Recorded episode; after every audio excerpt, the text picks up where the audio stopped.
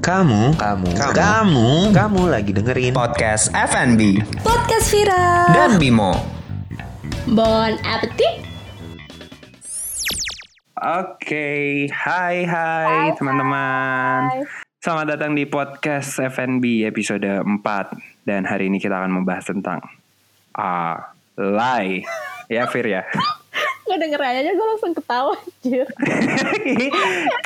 Bener-bener olok-olok ya alay itu ya. Gak tahu entah kenapa kalau misalnya gue dengar kata alay Ada aja gitu yang kebayang kayak hmm, Eh, Kayak ada asosiasi-asosiasi tertentu tentang definisi alay itu ya. Iya entah kenapa kayak Ya iuh banget gak sih pada ya gue ya? Gue gak tahu kalau mungkin beberapa orang yang mungkin mendukung alay itu sendiri. Ya, jadi dari dari apa sih? Sebenarnya alay itu apa sih memangnya? itu itu pertanyaan bagus sih. Selama ini gue selalu mikir alay itu anak layangan. Emang itu gak sih artinya bukan? Gue pernah dengar sih. Dari dulu pernah dibahas di satu treat kaskus ya kalau nggak salah ya. Jadi anak layangan yang dibilang anak layangan itu karena dia sering apa lari-larian remaja yang lari-larian main layangan terus habis itu dia jadi buluk rambutnya kayak coklat-coklat gimana gitu nggak terurus. Nah itulah muncul dari situ. Kalau nggak salah ya tapi gue nggak menemu sih sekarang treatnya di mana. Ah, jadi pokoknya anak alay itu anak layangan karena tampilannya tidak karena tampilannya bulukan gitu maksud lo. Iya, yang yang kayak lebih nggak nggak banget gitu tampilannya. Tapi ketika masuk ke dunia internet, si alay itu punya definisi yang semua orang sepakati pada waktu itu. Ini alay gitu. Nah, coba coba. Jadi kalau misalnya kita jabarin nih karakteristik yang kita kategorikan alay itu apa sih? Selain misalnya dari tampilan nih, tampilannya tunggu. Gue selalu ngeliat ya orang yang kita katain alay itu pasti punya poni lempar, entah kenapa. Iya, itu ya benar. Nggak nggak ngerti sih sebenarnya dari mana imo sebenarnya kan imo stylenya panjang-panjang gitu rambutnya. Enggak, enggak. Tetap bukan imo cuy. Imo itu lengkap dengan heavy make up, pakai eyeliner. tetep. Ini tuh enggak.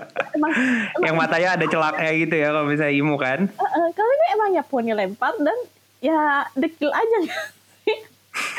Nah, terus eh alay itu pasti dari penampilan lah ya. Gue entah kenapa pakaian yang mungkin digunakan seems like tacky aja, murah. off gitu ya kayak nggak nggak sinkron gitu ya kelihatan murahan gitu Iya, apalagi nih Bim. Kalau lu? Terus zaman dulu tuh ini ala ini eh, pakai hu- huruf sama huruf gede kecil angka tuh. Waktu zaman internet awal-awal tuh. Kayak gitu tuh anak alay. Eh kalau kayak gitu gue gue anak alay jir. Gue tuh serius jadi gue itu masih inget banget gue punya Friendster. Jadi jadi ini masa-masa Friendster ya. Tahun Mm, mm, mm.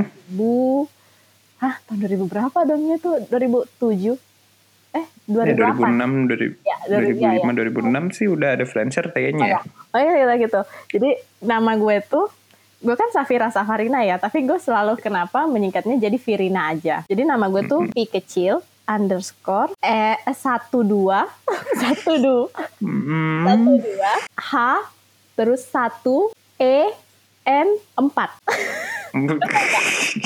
itu itu username ya di Friendster.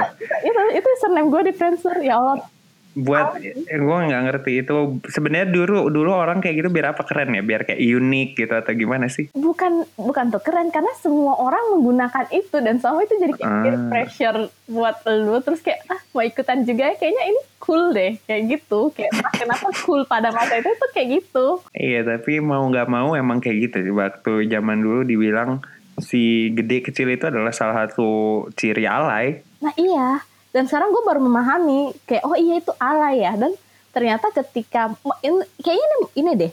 Ini gak sih? Maksudnya mostly anak-anak alay itu anak-anak remaja tanggung gitu bim? Iya, ini tuh istilah alay itu kata kata si Raditya Dika itu proses menuju kedewasaan tuh alay. Jadi anak kecil, remaja, alay baru dewasa.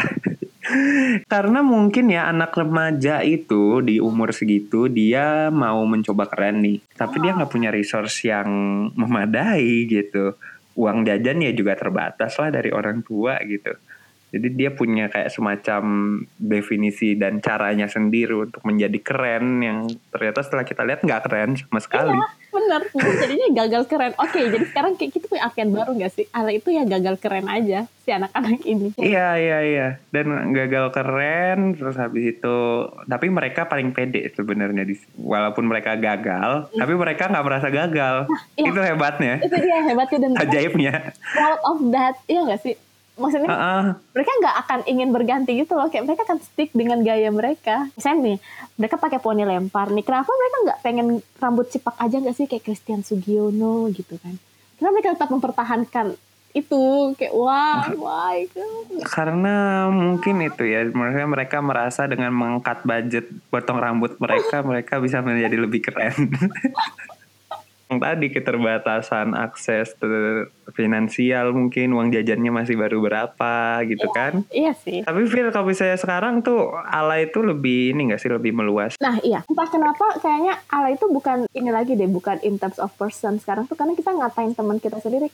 Eh lu cantikan, apa eh lu lagi ini ya. Pokoknya kayak kalau di kita dipuji sama orang tuh pasti kita ah apaan sih lu alay gitu. Iya gak sih? Iya kayak jadi lo bingung merespon, lo bingung mendefinisikan temen lo yang lo agak nggak suka perilakunya langsung lo bilang itu alay gitu kan. Iya iya. Kadang kayak ya udah langsung kita singkat aja alay. Padahal sebenarnya nggak alay, mereka tuh nggak alay. Cuman kayak ya udah malas nanggepin aja kayak alay sih. Banyak sebenarnya orang-orang yang kayak norak ya sebenarnya ya.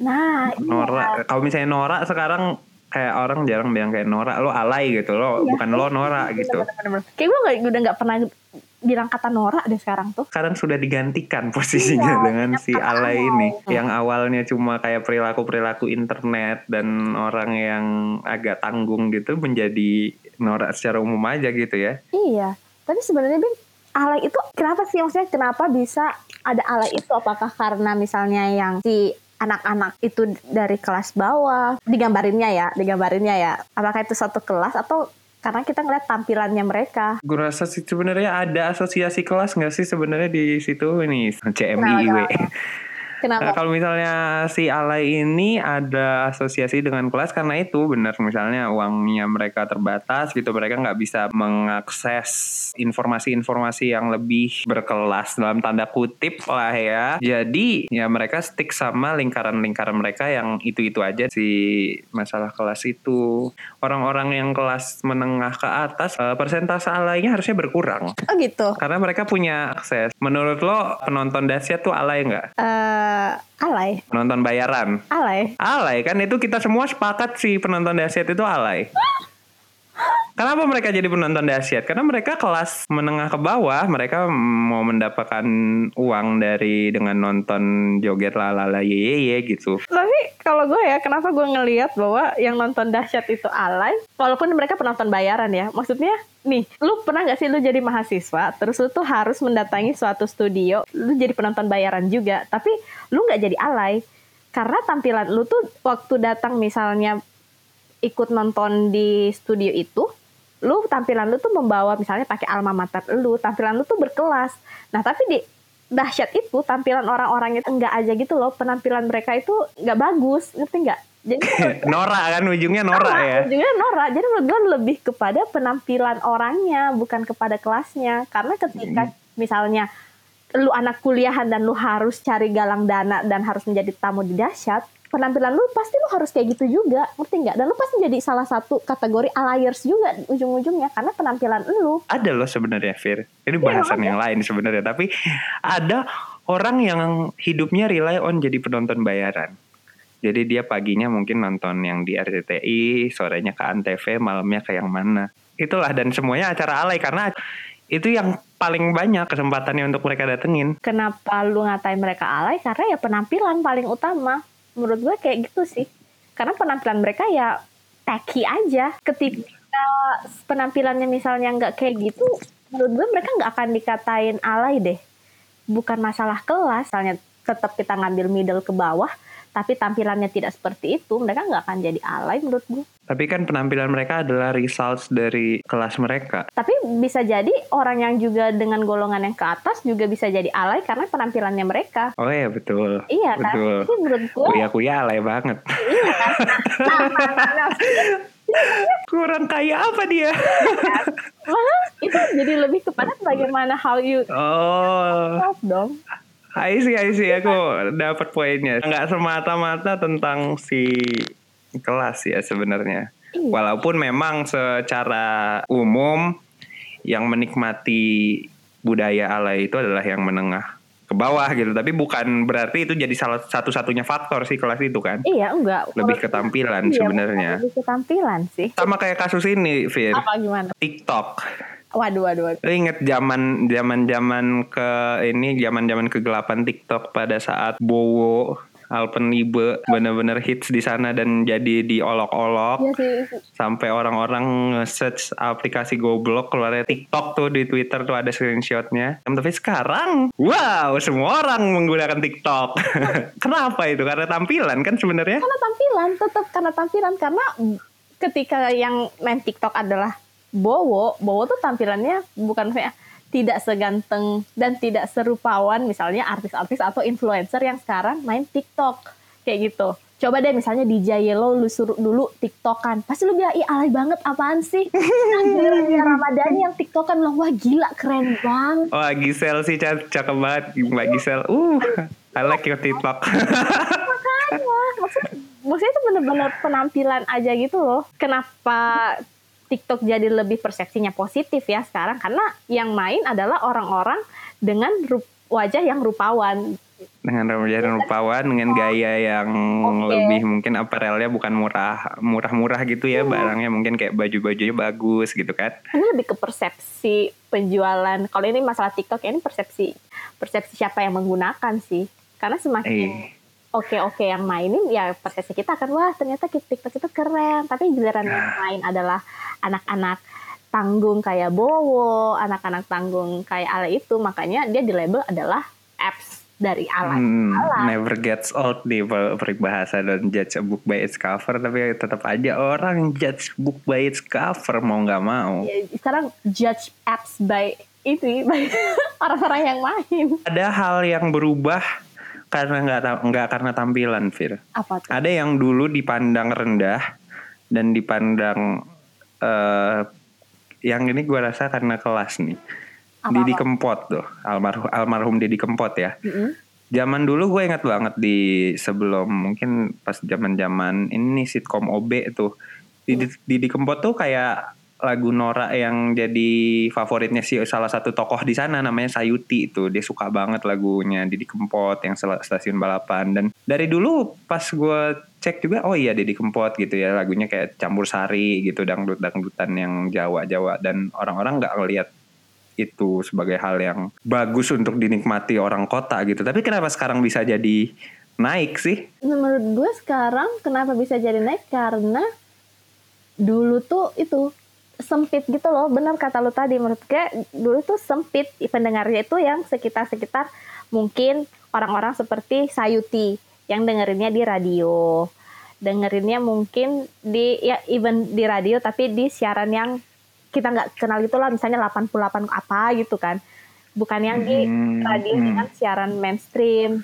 Tapi sekarang udah makin gede aja gitu perluasan pendengarnya jadi kenapa jadi dia udah masuk di pasar mainstream dan menurut gue itu kenapa alasan jadi lebih laku aja sih sekarang Padahal kan tampilannya Didi Kempot di tahun itu dan di tahun ketika dia puncak-puncaknya terkenal 2016 ke atas sama aja kan? iya tampilan kalau- kalau misalnya in person Itu lucu sih sebenarnya. in person tampilannya tetap sama tapi kenapa menurut gue itu lebih kepada enabler yang pendengarnya sih maksudnya bagaimana Orang-orang yang menikmatinya ya. Iya nge-publish uh, si lagunya itu semakin banyak yang ngedenger semakin ini gak sih semakin diterima lah jadinya walaupun dia tampilannya tetap sama Ah, isi. Jadi orang-orang tampil bukan tampilan Didi Kempot yang berubah, tapi tampilan penikmatnya yang berubah dan betul, betul. apa ketika dia masuk ke tempat mainstream ini penikmatnya menjadi lebih klasi dan dia mengamplifikasi itu ya, dia menyebarkan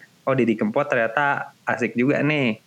Akhirnya orang-orang melihat si influencer yang penampilannya bagus ini, ujung-ujungnya tetap balik lagi ke tampilan ya. iya ketampilan dan sekarang misalnya nih gini dulu dulu yang dengerin Deddy Kempot misalnya kita si Sayuti gitu kan sekarang lu nyari deh di Google yang ngedengerin si Didi Kempot siapa pasti fotonya adalah yang keluar cewek cantik rambutnya panjang putih terus pakai baju loro ati Sumpah, Asik. ya nggak sih Iya benar benar benar. benar. yang mendengarkan itu jadi udah beda juga gitu terus entah kenapa itu jadi kayak hmm, Tahun lalu gue nonton Synchronize Fest itu lagu-lagu alay diputerin diputerin kayak menghadirkan bandnya dipandu sama satu orang namanya Om Leo dan Synchronize Fest tuh bukan yang kayak festival murah kan maksudnya lumayan lah gitu tiketnya dan artis-artisnya bagus-bagus gitu. Tapi yang di panggung alay itu rame banget Fir sumpah. Beneran dan semua orang sing along sing along lagu-lagunya Wali mm-mm. ST12 kangen band sama siapa ya satu lagi tuh? Ada pokoknya. Jadi itu tuh semuanya alay. Sebenarnya kita sepakat siapa pun yang bilang band-band itu alay tapi semua orang tuh nyanyi keras-keras rame menumpuk di sana jadi sebenarnya ketika kita membenci alay itu sebenarnya kita menikmati juga ya Ya, karena menurut gue haters itu adalah fans tersembunyi gitu loh, ngerti nggak? Serius.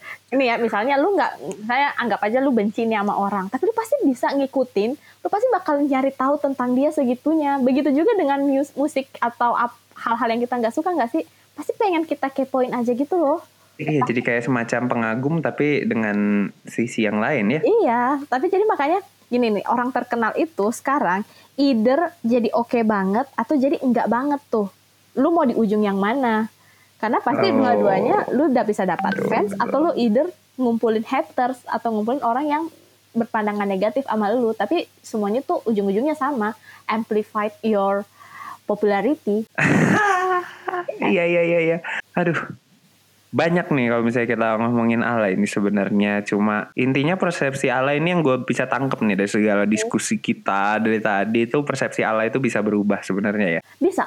Jadi eh, Eh, tergantung tunggu tunggu ini persepsi Ale yang mana dulu nih. Kalau orangnya menurut gue agak susah karena eh, itu udah melekat Ale itu udah melekat ke karakteristik tampilan tampilan orang ya tapi kalau misalnya suatu hal seperti TikTok atau misalnya aplikasi atau musik atau film itu tuh bisa berubah persepsinya dari alay menjadi tidak alay. Tergantung siapa yang menggandrungi musik aplikasi atau film tersebut. Iya teman-teman. Kita masih hidup di dunia yang judge a book by its cover.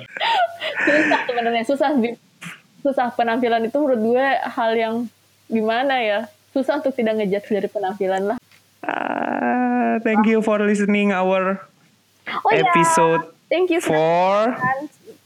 Eh, Iya, stay safe ya teman-teman, eh, stay iya, tapi sekarang sane. kita udah ini nggak Bim? Udah berakhir ya PSBB nih? Iya, mudah-mudahan kita bisa kualitas suaranya lebih bagus lagi ya. guys walaupun PSBB akan berakhir tetap stay safe ya. Sebenarnya ini akan menjadi puncaknya kita harus semakin lebih aman dan semakin lebih berhati-hati lagi. Karena kita akan segera bertemu dengan siapa pun stranger di mana pun di tempat keramaian yang ada jadi extra safe dan extra extra semuanya lah Bye-bye. Bye.